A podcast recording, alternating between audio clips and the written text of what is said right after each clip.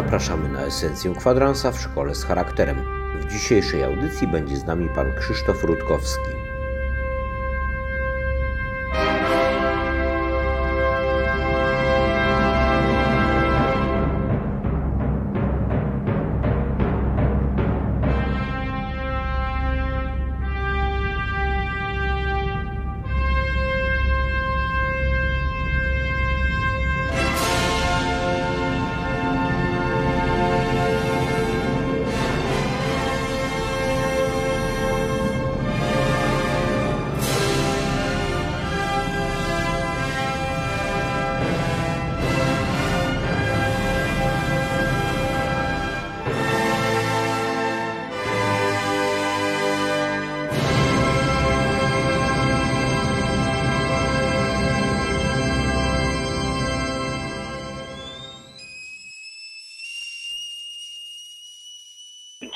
Dotyczy tego, czym właściwie jest poezja, co to jest poezja i na czym polega zadanie poety.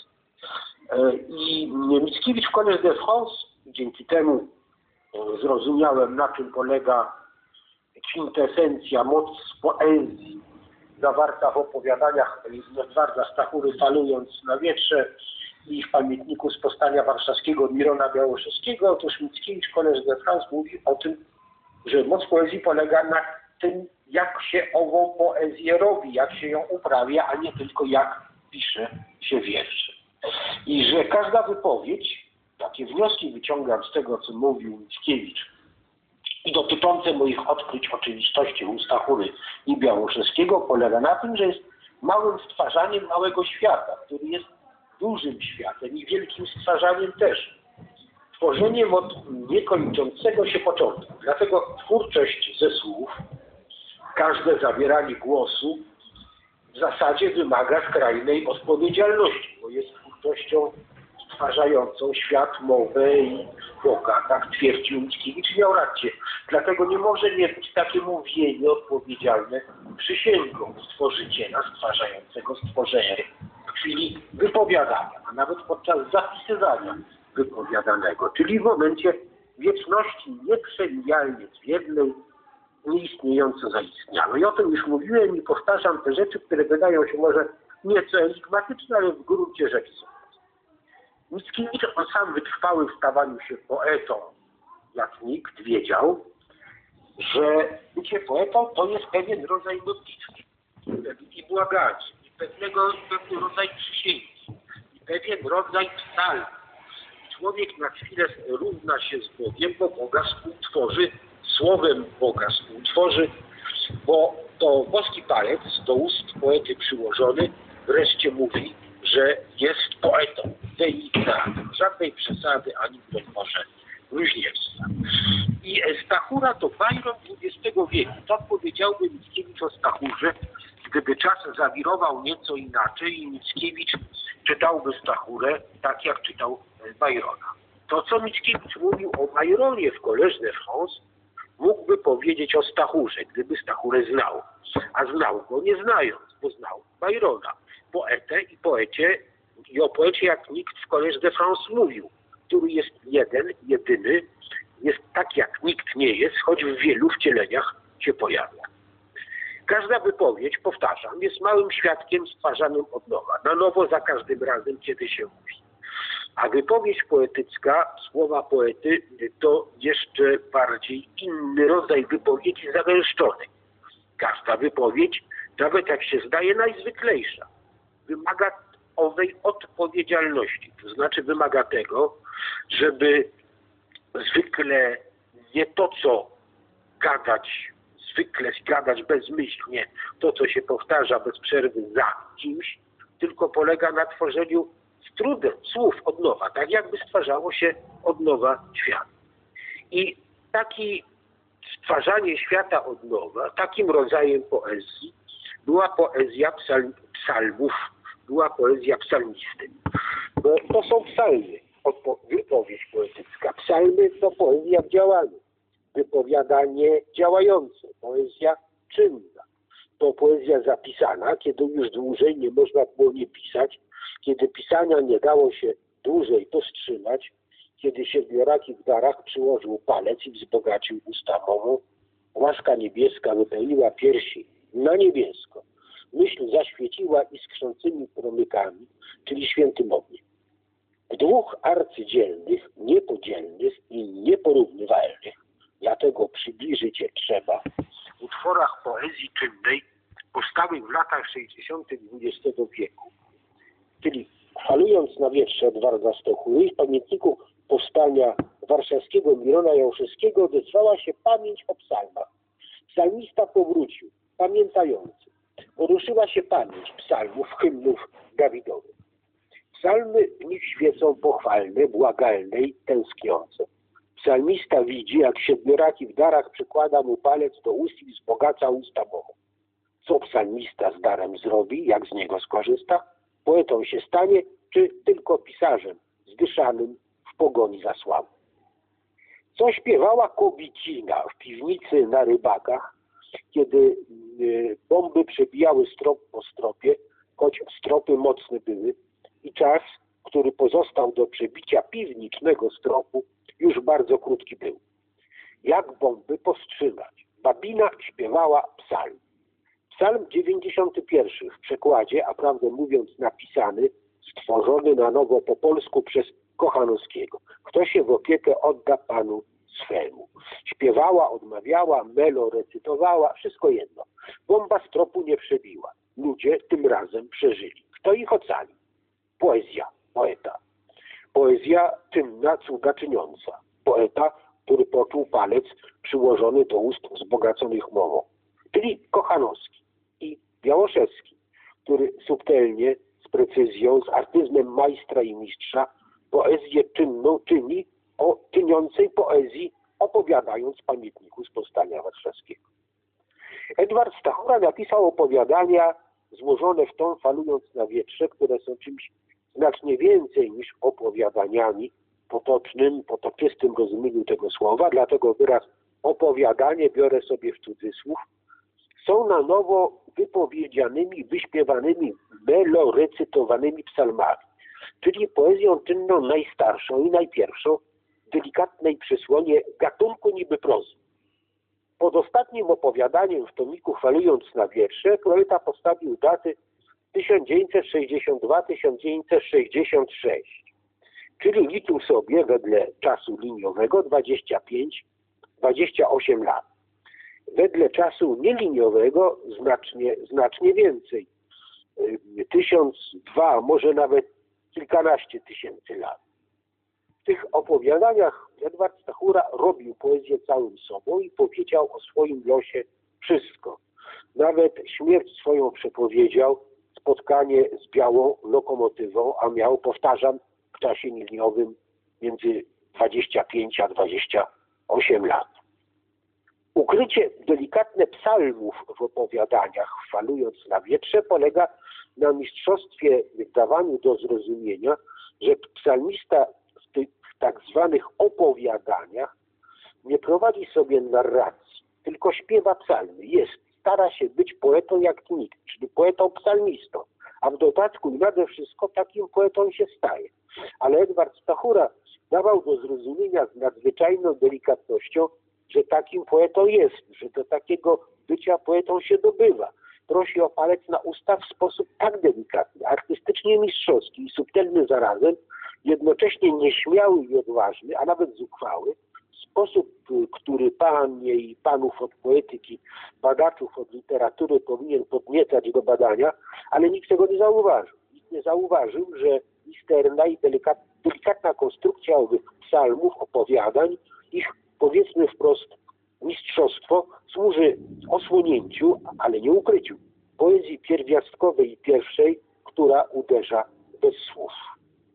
Falując na wietrze, a szczególnie opowiadanie Nie zlęknę się jest mistrzowskim powtarzaniem psalmu 23 i 69 w sposób tak mistrzowski, że można porównać, że warto, to należy porównywać tylko tę robotę z robotą Kochanowskiego i z robotą Białoszyskiego, ale o tych subtelnościach opowiem następnym razem.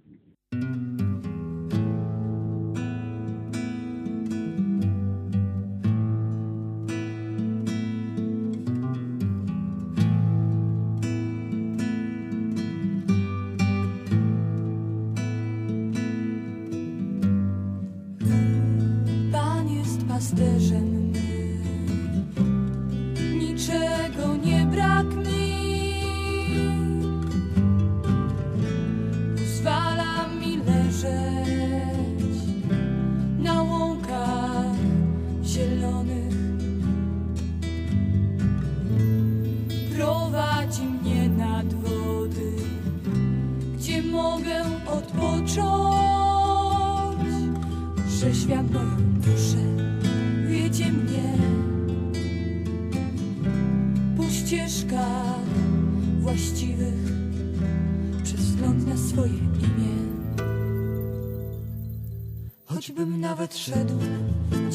Doliną, zła się nie ulęknę, bo jesteś ze mną. Choćbym nawet szedł ciemną doliną, zła się nie ulęknę, bo jesteś ze mną.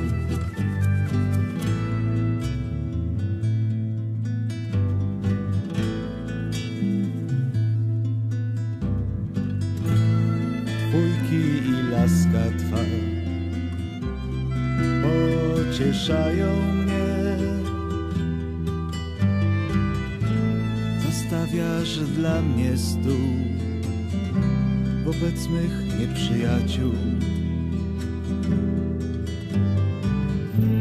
Namaszczasz mi głowę olejkiem, kielich mój przelewa się. dobroć i łaska pójdą za mną w ślad o wszystkie moje dni. Choćbym nawet szedł ciemną doliną, zła się nie ulęknę, bo jesteś ze mną. Choćbym nawet szedł ciemną doliną, zła się nie ulęknę, bo jesteś ze mną.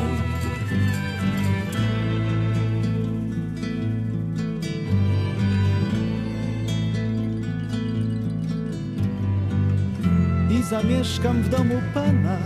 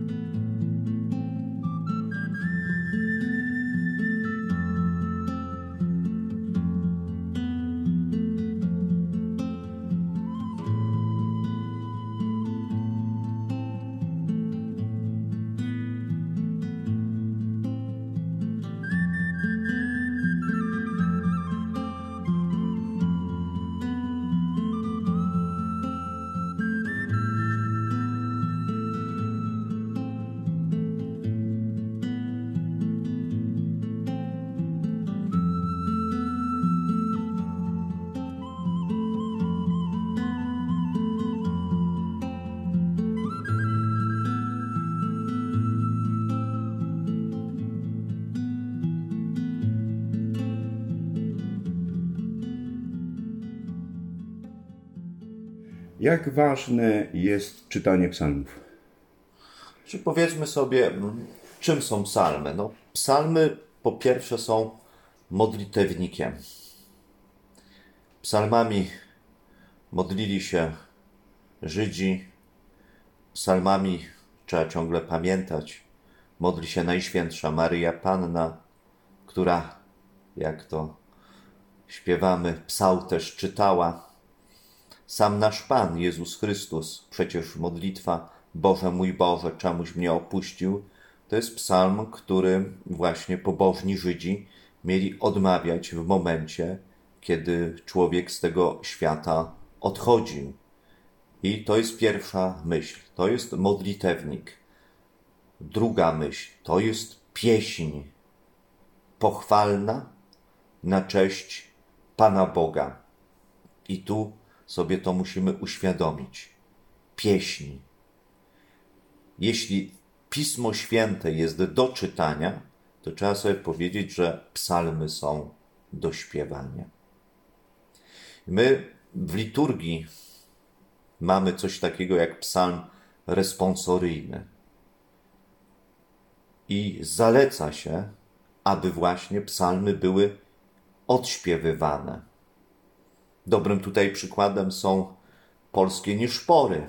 W przekładzie właśnie Jana Kochanowskiego, kiedy to wspomina się, że cały Kościół śpiewał w popołudnie niedzielne psalmy. W ten sposób właśnie wielbiąc Pana Boga. Więc to jest pieśń pochwalna na cześć Pana Boga. Tamte przymioty Pana Boga się ukazują. Jego wszechwiedza, czyli mądrość, Jego yy, wszechmoc, Jego sprawiedliwość. To jest charakterystyczne, ale też i miłosierdzie. Woła przecież Dawid, który jest twórcą tych 150 psalmów. Zmiłuj się nade mną, Boże, w łaskawości swojej. W ogromie swego miłosierdzia zgładź nieprawość moją. A więc jest to pieśń pochwalna, gdzie możemy odkryć, to jest oczywiście Stary Testament, przymioty Pana Boga.